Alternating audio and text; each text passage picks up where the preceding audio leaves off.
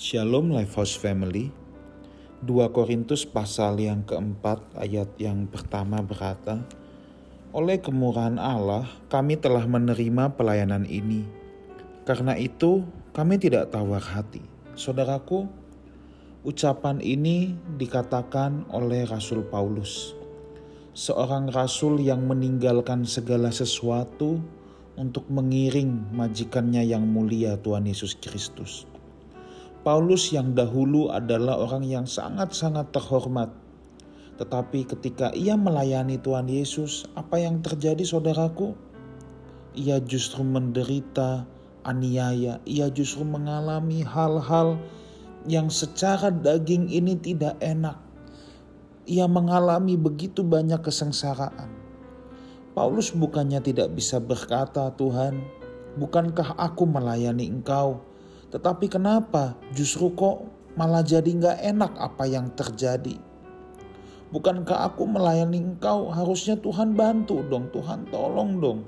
Kenapa dalam kenyataannya aku malah terkatung-katung di tengah laut, Aku kelaparan, aku kedinginan, aku dianiaya, aku kebanjiran, dan lain sebagainya.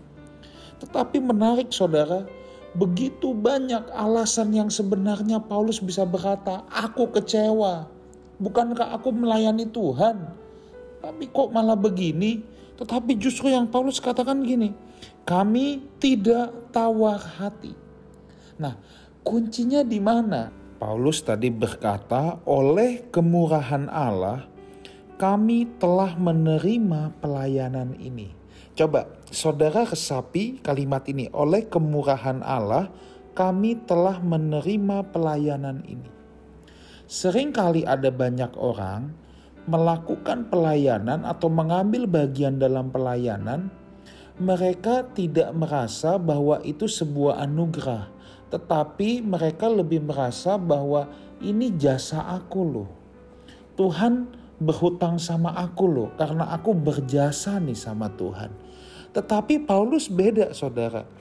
Kalau untuk Paulus, kalau aku boleh melayani ini kemurahan Allah.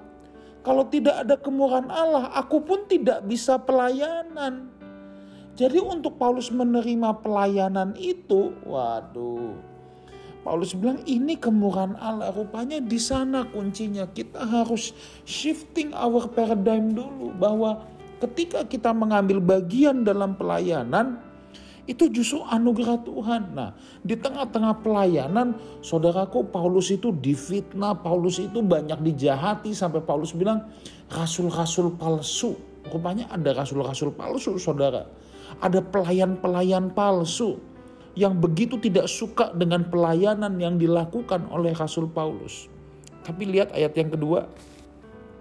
Tetapi kami menolak segala perbuatan tersembunyi yang memalukan kami tidak berlaku licik dan tidak memalsukan firman Allah. Nah, saudaraku, kita tidak bisa pungkiri bahwa kita sudah sering mendengar atau mungkin kita pernah mengalami sampai kita berkata, aduh pelayanan di gereja pusing, banyak yang gak benar.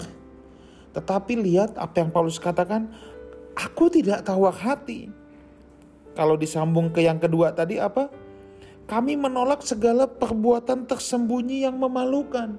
Jadi Paulus mau bilang gini, terserah deh kalian yang lain mau bikin apa, tapi kalau aku sendiri, aku tidak mau melakukan perbuatan tersembunyi yang memalukan.